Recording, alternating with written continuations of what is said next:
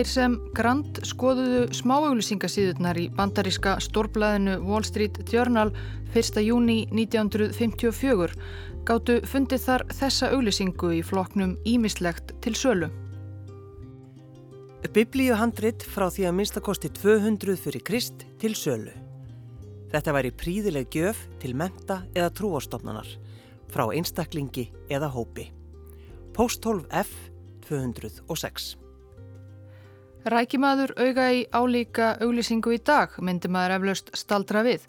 Handrit frá því fyrir kristspurð til sölu eins og hverannar bílskrjóður eða sófi.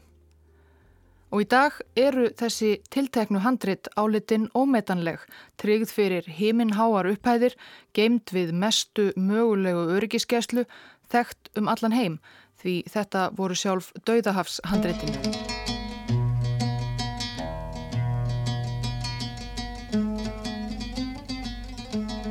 Hann var kallaður Úlfurinn. Fullu nafni hétt hann Muhammed Ahmad el-Hamid en hann var alltaf kallaður Muhammed Edhib, Muhammed Úlfur. Hann var hraustur og hugrakkur með þykkar augnabrúnir og ákveðið augnaráð. Hann var 15 ára árið 1946, fættur og uppalinn á bökkum árinar Jórdan þar sem fjölskylda hans og ættbálkur beduínar höfðu flakkað um kynnslóðum saman og synd geitum sínum og söðfjö í hróstrugum og þurrum hlýðunum í grend við dauðahafið. Veturinn 1946 var fátt umdeildara en einmitt þetta landsvæði þar sem úlfurinn var upp alinn og nærsveitir þess. Það hafði þá verið á valdi breyta síðan eftir fyrri heimstyrjöld en evróskir landnemar, gýðingar, vildu stopna þar gýðinglegt ríki og börðust fyrir því með kæfti og klóm. Innfætum á svæðinu, aröpum og öðrum leist ekki alveg á þann ráðahag. Í fundarsölum saminuðu þjóðana var hart tekist á um framtíð þess sem margir álitu landið helga. It is high time that Palestine's right to independence be recognized. En það karp var allt viðsfjari Muhammed Adhib þar sem hann fyldi geitahóp sínum upp og niður fjálslíðarnar við norð-vesturströnd Dauðahafsins þar sem fjölskytta hans dvaldi þann veturinn, upp og niður. Það varða fylgjast með þeim og passa að þær færi ekki of hátt, þær voru hardgerar og djarvar eins og hann sjálfur. Djúma Muhammad Khalil var frændi hans og nokkrum árum eldri. Hann var líka geitahyrðir eins og allir strákarnir í fjölskyldunni. Hann var á ferð með hjörð sína einn dag þennan veturinn, þetta hefur verið í november eða desember 1946 í fjálslið sem hann hafi ekki farið áður. Einn geitin viltist frá hópnum og hann fór á eftir. Þá tók hann eftir tveimur litlum hólum í klettum efst í hlýðinni, hellum. Hellar eru ekki óvanleg sjón í ljósum kalksteinsklettunum á þessum slóðum en Djúma lagði sig alltaf fram um að kanna alla þá hella sem urðu á veians í vonum að finna einhver staðar fjársjóð. Hann hafði aldrei fundið fjársjóð. Djúma klöngraðist upp að hellismunanum, lægra opið var varla nógu stórt til að þarinn kæmist köttur eins og Djúma lísti því síðar sjálfur. Það sem var aðeins herra var aðeins stærra svo að grannvaksin maður geti mögulega skriðið þarinn. Djúma fálmaði eftir steinvölu og kastaði inn í myrkvað stærra hellisopið. Það heyrðist brotljóð. Djúma var byllt við. Var eitthvað þarna inni? Kanski fjársjóður. Djúma varð að sinna geitunum en þegar hann kom heim í tjaldbúður fjölskyldunar að kvöldi lísti hann ævintýrum dagsins fyrir frændum sínum þar á meðal Muhammed Adib, úlvinum. Hann sperti eirun. Hann var öruglega nógu grannvaksinn og nógu kjarkaður. Tveimur dögum síðar, þegar hann átti loksins lausa stund frá hyrðingastörfunum, fór Muhammed Edib af stað svo árla morguns að allir aðrir í tjaldbúðunum voru enn í fasta svefni. Hann fylgdi leifbenningum frændasins djúma að fjálslíðinni með klettunum með hellunum, klifraði upp og tókst svo vissulega að smegja sér inn um stærra opið. Það tók augu úlfsins nokkra stund að venjast myrkrinu inn í hellinum. Svo fór hann að greina eitthvað meðfram veggjum hellisins. Það voru all nokkrar, svona tíu stórar ílangar leirkrúsir. Mohamed Edib þreyfaði sig áfram og kíkti ofan í krúsirnar, svo fyrsta sem hann leiti var tóm og allar það næstu. En í einni krúsinni var eitthvað. Mohamed dró upp úr henni fyrst tvo bögla sem báðir voru vafðir inn í einhvers konar klæði, grænleitt, eins og úlfurinn listi því. Og svo alls óinnpökkuð stór bókrótla úr einhvers konar leðri. Þetta vakti aðtegli úlfsins. Kanski væri hægt að skera þetta niður og búa til úr þessu sandala. Hann tók rolluna og böglana og fór með heimi í betuínabúðirnar þar sem djúma frændi og fleiri ættingar eruðu í fyrstu nokkuð súrir þegar þeir fréttu að hann hefði farið einn af stað í hellin. Sökuðu hann um að vera að leina einhverjum merkilegum fjársjóðum sem hann hefði fundið. En þegar úlfurinn síndi þeim fengsinn, klæðis böglana og tætingslegu leður rolluna voru þeir fljóttir að missa allan áhuga. Þetta var engin fjársjóður, bara eitthvað gamalt drastl. Öh en þar höfðu betuínadrengirnir ránt fyrir sér.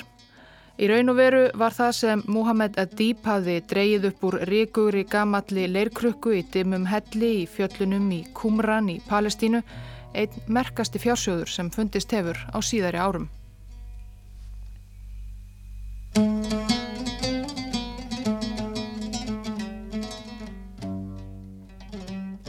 Sögum af því nákvæmlega hvernig fyrsta fordlefa fundin í Kumram hellum við dauðahafið Barað ber ekki alveg saman. Hvortki, hvort það var djúma frændi eða úlfurinn sjálfur sem fyrst kom auga á hellismunnan, nýheldur nákvæmlega hvenar þetta gerðist. Beduínar í Eidimörk Palestínu á þessum tíma voru ekkit mikið að hanga yfir vestrænum dagatölum heldur fyldust með tímanum á annan hátt.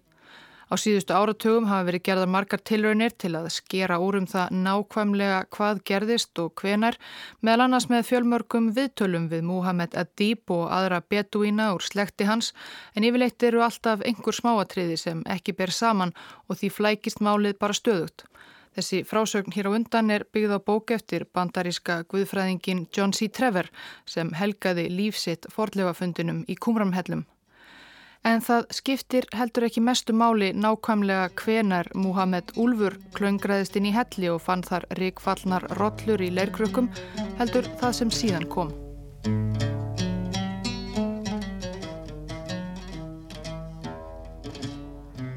Reyndar gerðist ekkert sérstakt. Ungu beduínarnir gemdu leirkrökkurnar og bókurollurnar við tjöldin sín og vissu ekki alveg hvað þeir ættu að gera við þetta drastl. Loks þegar komið var fram á vorið 1947 ákvaðu þeir að fara með þetta í kaupstað og reyna að koma því í verð. Með þrjár rollur í bakboka heldu þrýr ungir beduínapiltar, Úlfurinn, Djúma og annar frændi til Betlehem, næstu borgar, til fundar við mann sem eldri ættingi hafði bentið má. Hann hétt Khalil Iskander Shahin en var jafnan kallaður Kandó Hann var mjóslegin með snirtilegt yfirvaraskegg og aldrei án rauðs feshattar á höfðinu, fjölhæfur maður því hann fegst bæði við skósmíðar og viðskipti á fortgripum og skrani. Í verstafalli gæti hann því kannski smíða sandala ár pjöllunum sem ungu beduínarnir færðunum. En Kandó sá strax að það var eitthvað meira varið í þessar pjöllur. Fyrir það fyrsta vissi Kandó að ferðamenn og pílagrímar voru tilbúinir að borga vel fyrir hvað sem leit út fyrir að vera einhvers konar fortgripur frá landinu helga. Og ef ekki, já, hugsaði Kandó kannski, þá mætti reyna við sandalana.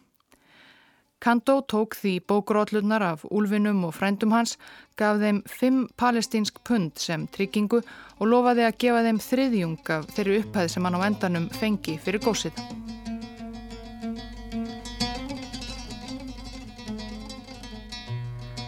Þegar Kandó skoðaði betur það sem hann hafði í höndunum varð áhugi hans meiri og meiri.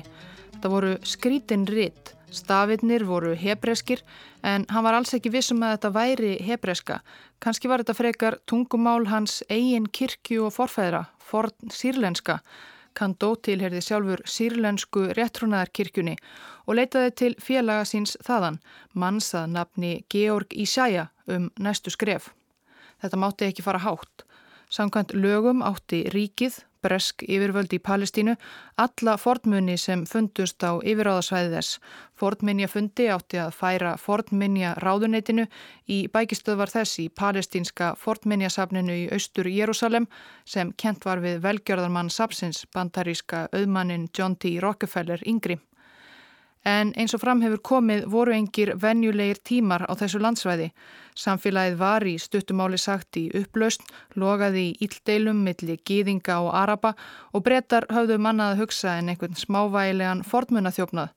Svo að Kandó, Georg Ísæja og beduínarnir í Kumran gáttu haldið braski sínu áfram.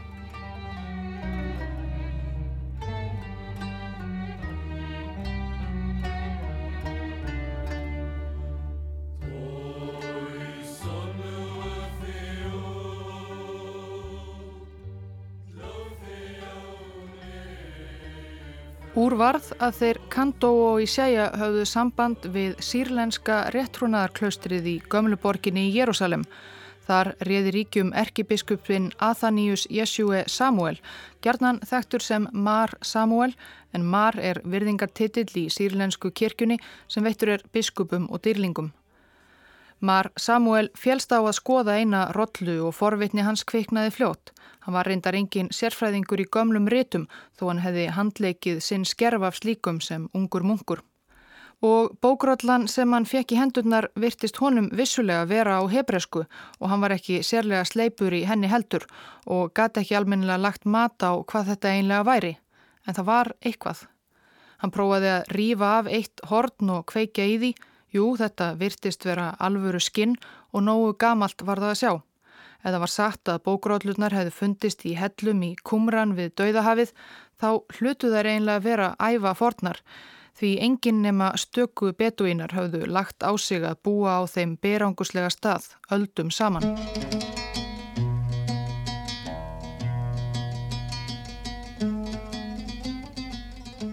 Mar Samuel Erkibiskup var ungur maður meðan við stöðu sína, 38 ára árið 1947, fættur í Tyrklandi en hafði verið nær alla sína tíð í klaustrinu í Jérúsalem.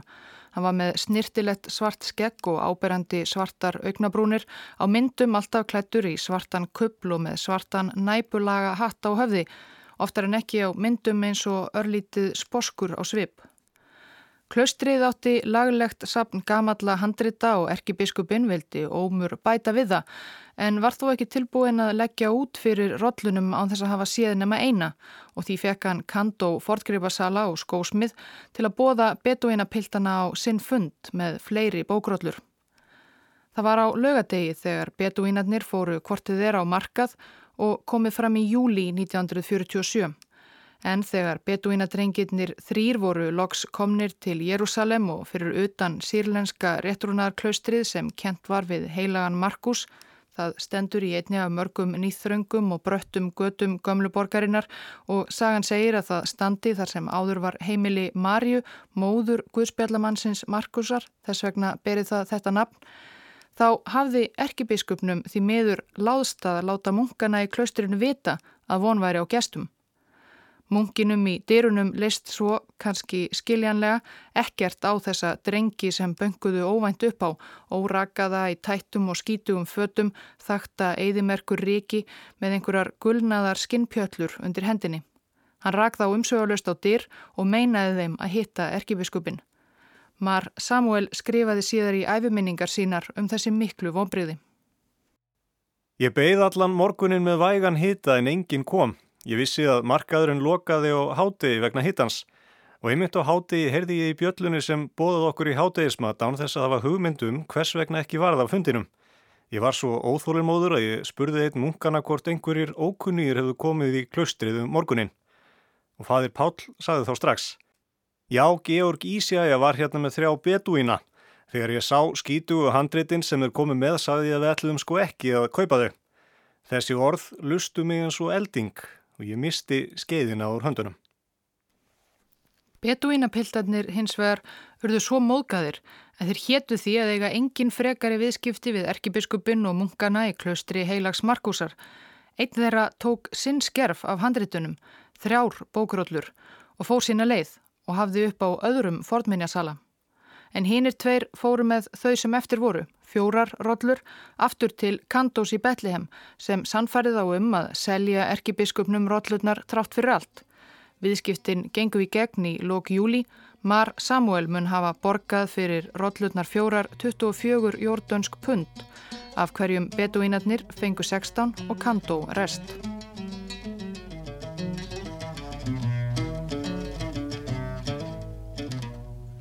Mar Samuel vildi vita meira um hvaðan var með í höndunum, hversu gamlar rollurnar væru í raun, hvort fjárfesting hans væri einhvers fyrði og leitaði því ráða hjá fræðimönnum. Honum til talsverðra vonbreyða eflaust reyndust spekingarnir sem hann síndi rollurnar almennt skeftískir á að hann hefði gert góð kaup. Sérfræðingur hjá fornminjaráðuneytinu hummaði og saðist telja að þrátt fyrir ástand þeirra væru rollurnar frekar nýlegar. Þá átti hann við nýlegar á mælikvarða landsins helga þannig að þær væru mögulega frá miðöldum. Hollenskur prestur og fræðimæður sem vann við franska biblíuskólan í Jérúsalem var öllu áhuga samari. Hann gætt lesið eina rolluna og búrið kennsla á textan. Þetta var forn hebreska og hluti af Jésæjabók Gamla testamentisins. Hann hafði einmitt skrifað rítgerð um Jésæjabók. Hann var þó ekki samfærður um að rótlurnar væri eins æfa gamlar og erkibiskupin virtist trúa og sagði honum í mest vinsemt að alls konar vittleysu væri að finna á svarta fortgripamarkaðinum í landinu helga. Hann mætti ekki láta vafa sama fortgripasala gapa sig. Nokkrum mánuðum eftir þetta snýri hollenski presturinn aftur til heimalandsins og hann átti eftir að sjá eftir því alla æfi að hafa ekki staldrað lengur við hjá erkibiskupnum í Markusarklaustri í Jérúsalem og áttaði sig á því hvað hann fekk þar að handleika.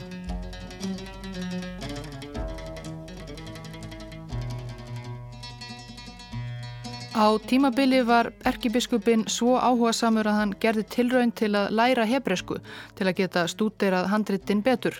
Hann útveði sér kjenslubækur en tóksvíst ekki mjög vel til við námið.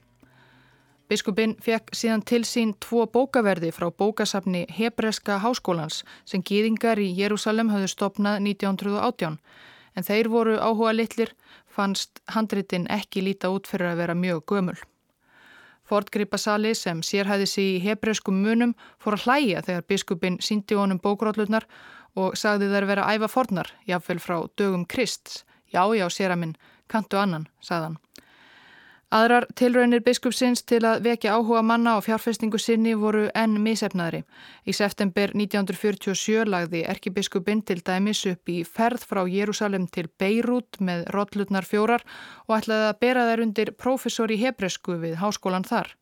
En þegar biskupin kom í háskólan reyndist profesorinn vera erlendis í fríi og hann varð að snúa heim. Pathé dispatch shows the scene in Jerusalem as Jewish and Arab mobs clashed in the center of the city. Það var komið fram í november 1947. Ástandið í Palestínu var sífælt eldfimara en var deilt um framtíð svæðisins í saminuðu þjóðunum en byrinn var með landnumum geðinga sem streymdu til Palestínu og bandaríkin voru nú þegar búin að lýsa því yfir að þau styttu skiptingu Palestínu í tvo hluta, annan geðinglegan og hinn arabískan. Í Markusarklaustri satt Mar Samuel Erkibiskup enn með bókrólunar sínar sem hann hafði nú gert ótal árangus litlar tilraunir til að aldursgreina eða almennt vekja aðtegli um heimsins á.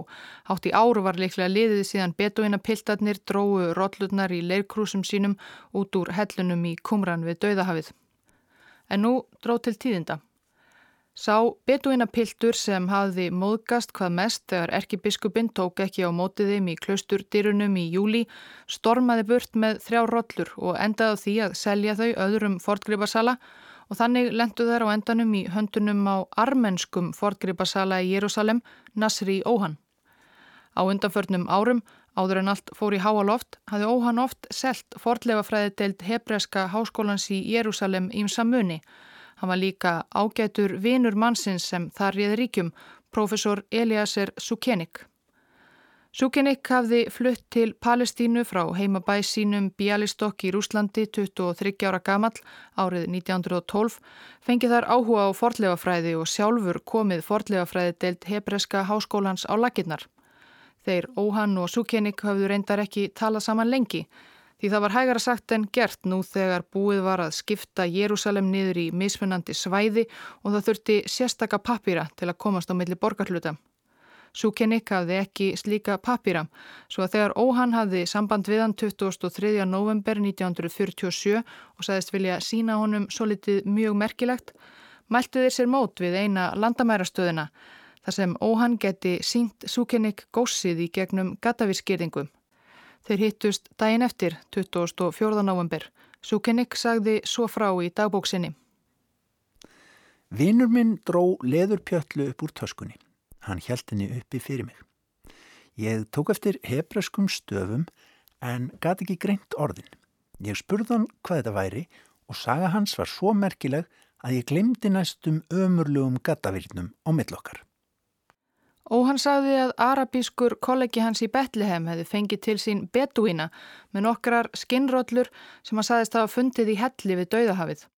Arabinn treysti sér ekki til að leggja mata og verðmæti handritana og leitaði því til Óhans og Óhan spurði Súkennig hvað honum fyndist og hvort hann vildi kaupa róllutnar þrjár fyrir háskólan. Hann vissi sem var að gýðingum í Palestínu var mikið í mun að komast yfir hverskonar fortgrippi til að festa sig í sessi í landinu helga. Ég heikaði nokkra mínútur, pýriði augun í gegnum likjurnar á výrnum til að reyna að greina stafina á leðrinu. Það er undarlegt að þar sem ég starði á pjöttuna fór mér að finnast stafinir kunnulegir þó ég áttaði mig ekki á tekstanum. Þeir líktust stöfum sem ég hafði oft fundið á líkistum og í grafísum í og við Jérúsalem, á fornum gröfum frá því áður en romverjar eðluðu borgina. En ég hafði aldrei séð slíka stafi áður, skrifaða með penna eða á skinn. Súkinnig velti fyrir sér hvort þetta hliti ekki að vera verk einhvers falsara, en eitthvað sagði honum hann yrði allavega að skoða þessa gripi nánar. Þar sem ég pýrði augun var þú samfæring mín sterkar og sterkari að þetta væri engin fölsun, heldur hið eina sanna. Ég ákvaði að taka áhættun á því að kaupa rollunar fyrir háskólan. Þetta skrifaði Súkinnik reyndar síðar. Í dagbók sína daginn 24. november var hann svo uppnuminn að hann skrifaði einungis Í dag var mér sínt bókrolla. Ég þór ekki að skrifa niður hvað mér finnst um hana. En það var hægara sagt en gert fyrir Súkenik að nálgast gripina.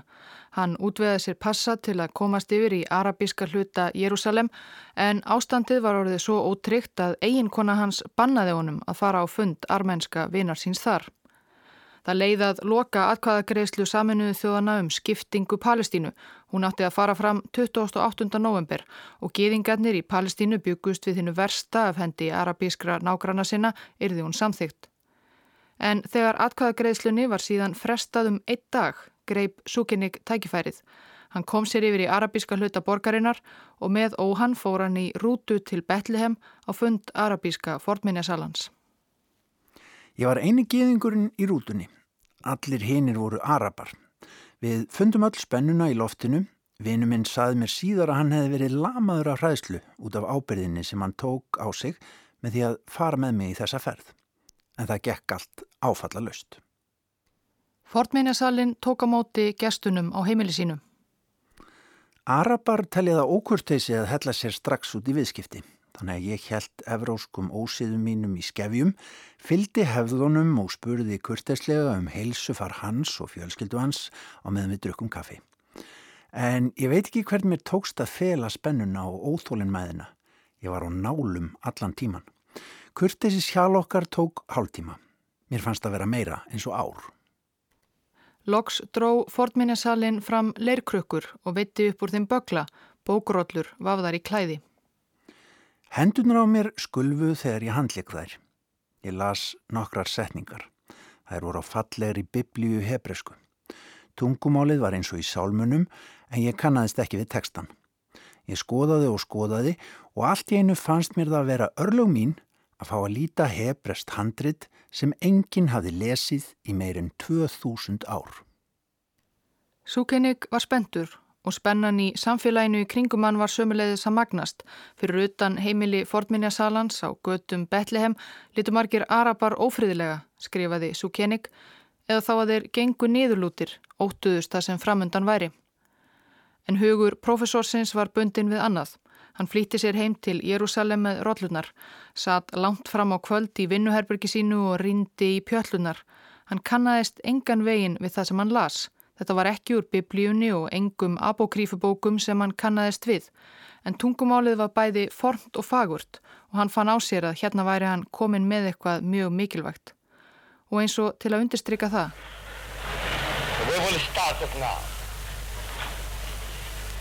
Afghanistan No. Argentina. Argentina. Abstention.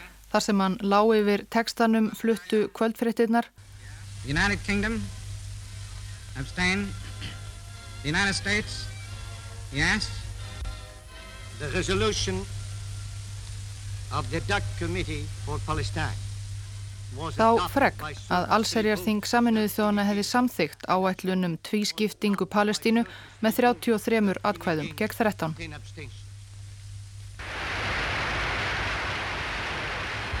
Þessi mikli áfangi í sögu geðingana rann þannig saman á heimili mínu í Jérúsalem við þennan atbyrð. Ekki minna sögulegan, annar pólitísks eðlis, hinn menningalegs. Það sem profesor Eliasir Sukenik hafði í höndunum átti þó fljótt eftir að verða hápolítist mál fyrir hið verðandi Ísraelsríki. Rising tension in Palestine. Arabs advancing on the center of Jerusalem and an orgy of wrecking, looting and bloodshed. Arabar í Palestínu mótmæltu ákverðun saminuðu þjóðana á gotum borga og bæja, réðust inn í verslanir og fyrirtæki gýðinga og gengu bersesgang. En á yfiráðasvæðum gýðinga var fagnað og dansað á götumúti. The Jewish people at once began to celebrate the United Nations decision. If they hadn't got all they wanted, they had at least gained the verdict for the setting up of a new Jewish state, and their rejoicing was obviously a spontaneous affair. Það var enn gleði í loftinu meðal gýðingana altså nokkrum dögum síðar í byrjun desember þegar Eliasser Sukenik var á gangi til vinnu sinnar í háskólanum og rakst á kunningasinn sem vann á bókasafni skólans. Súkinnik sagði honum af bókurollunum stórmerkilegu og líklega æfa fornu sem hann hafi kift í Betlehem og hafði fundist í helli við dauðahafið. Hann sagði þetta flestum sem hann hitti. Allir urðu undrandi og hrifnir en bókavörðurinn meira en flestir aðrir. Ótrúlegt, sagði hann við Súkinnik. Fyrir nokkrum mánuðum höfðu hann og samstagsmaður hans verið sendir í Markusarklaustrið í Gömluborginni að líta á einhver gömul handrit í eigu erkibiskupsins þar og biskupin sagði einmitt að handritin væru æfa forn og hefðu fundist við dauðahafið. En þeim, bókavörðunum, fannst handritin ekki líta út fyrir að vera svo forn og málið fór aldrei lengra. Þegar Súkennik heyrði þetta vildi hann helst taka á rás beint í Markusarklaustrið en Arabar hafði þá lokað öllum yngöngum inn í Gömluborgina. Það var engin leið fyrir hann að komast ánkað.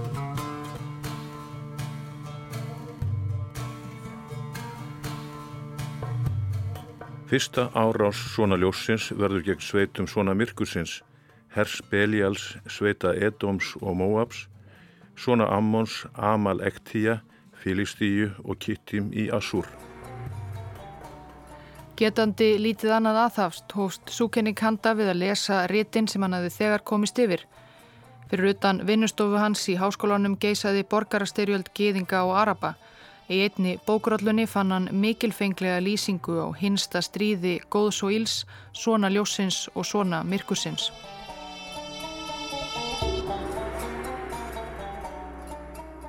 Svo verður tími frelsunar fyrir Guðsfólk og tími valda fyrir alla menn hans og eilíf tortíming allra sveita Belials. Það verður mikil skjelving meðal svona jafets. Asseríja fellur og enginn kemur henni til aðstóðar Veldi Kittims líður undir lok. Sú ílska verður sigruð án nokkur að minja. Engin svona myrkursins lifa af.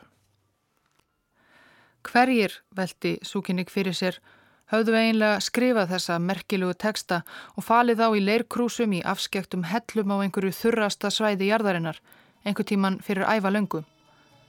Hann fór að mynda sér kenningar um það.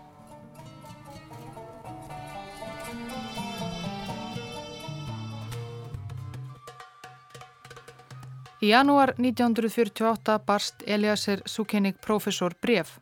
Brefið var sendt úr næsta nágræni frá arabíska hluta Jérúsalem en hafði enguða síður verið þrjá daga á leiðinni yfir landamærin. Brefritarinn, maður á nafni Anton Kýras, var tengdur sírlensku réttrúnaðarkirkinu í Jérúsalem og hann vildi sína Sukenik merkileg handrit sem hafðu fundist í helli við Dauðahafið fyrir nokkru en voru geimt í Markusarklaustri í Gamluborginni. Súkinnik varð skiljanlega spentur. Ef þetta voru rétt úr sama ranni og þau sem hann var að stúdera, varðan að komast yfir þau.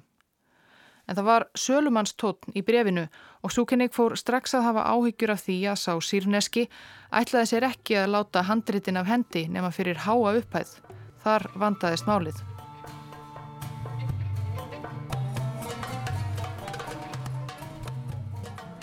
Tilfinning Súkenniks var rétt. Anton þessi Kíras rak leigubílastöð í austur Jérúsalem og var vinur erkibiskupsins í Markusarklaustri.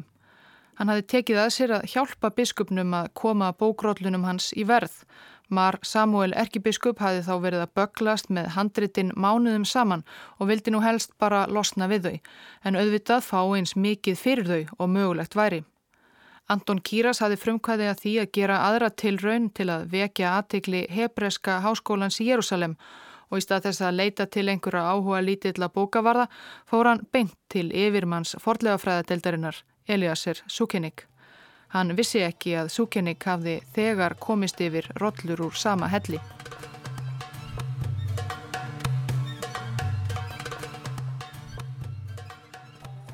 Hebreski háskólinn hafði ekki úr miklum fjármunum að móða. Súkinnik fór í banka og reyndi að slá lán persónlega en það var stríðs ástand í landinu og bankin neytaði profesornum um lánsfið. Hann hafði reyndar þegar tekið lán með veði í húsinu sínu til að borga Arabanum í Betlehem fyrir handritin þrjú sem hann hafði þegar í höndunum. Nokkrum dögum síðar fór Súkinnik á fund brefritarans Antons Kýras í húsakinnum KFM í Jérúsalem. Kýras hafði rótlutnar meðferðis og Súkinnik fekk að taka tvö af fjórum með sér heim til frekari skoðunar. Næstu daga las ég það sem ég gatt og síndi handritin Magnus rektor og tveimur kollegum sem sérhæðu sig í biblíunni. Ég leita á handritin aftur og aftur á degi og nóttu, fór stundum eldsnæma á fætur til að lesa og gera afrið af tekstanum. Súkinnik varð sérstaklega áhuga samur um aðra rótluna Þá sem hollenski presturinn sem erkibiskupinn ráðferði sig við hafi borið kennsla á. Þetta var Jesajabók sem segir frá ríkinu Júta, útlegð Jútamanna í Babilónu og endur komið þeirra til Jérúsalem. Þarna var hún nær öll eins og hún leggur sig. Þetta var sem sé ekki óþektur teksti eins og hinnum rollunum, heldur hluti biblíunar og ef handritin voru eins forn og súkennik grunaði þá var þessi þurra skinnrótla mörg hundruð árum eldri en önnur biblíuhandrit sem fundist höfðu.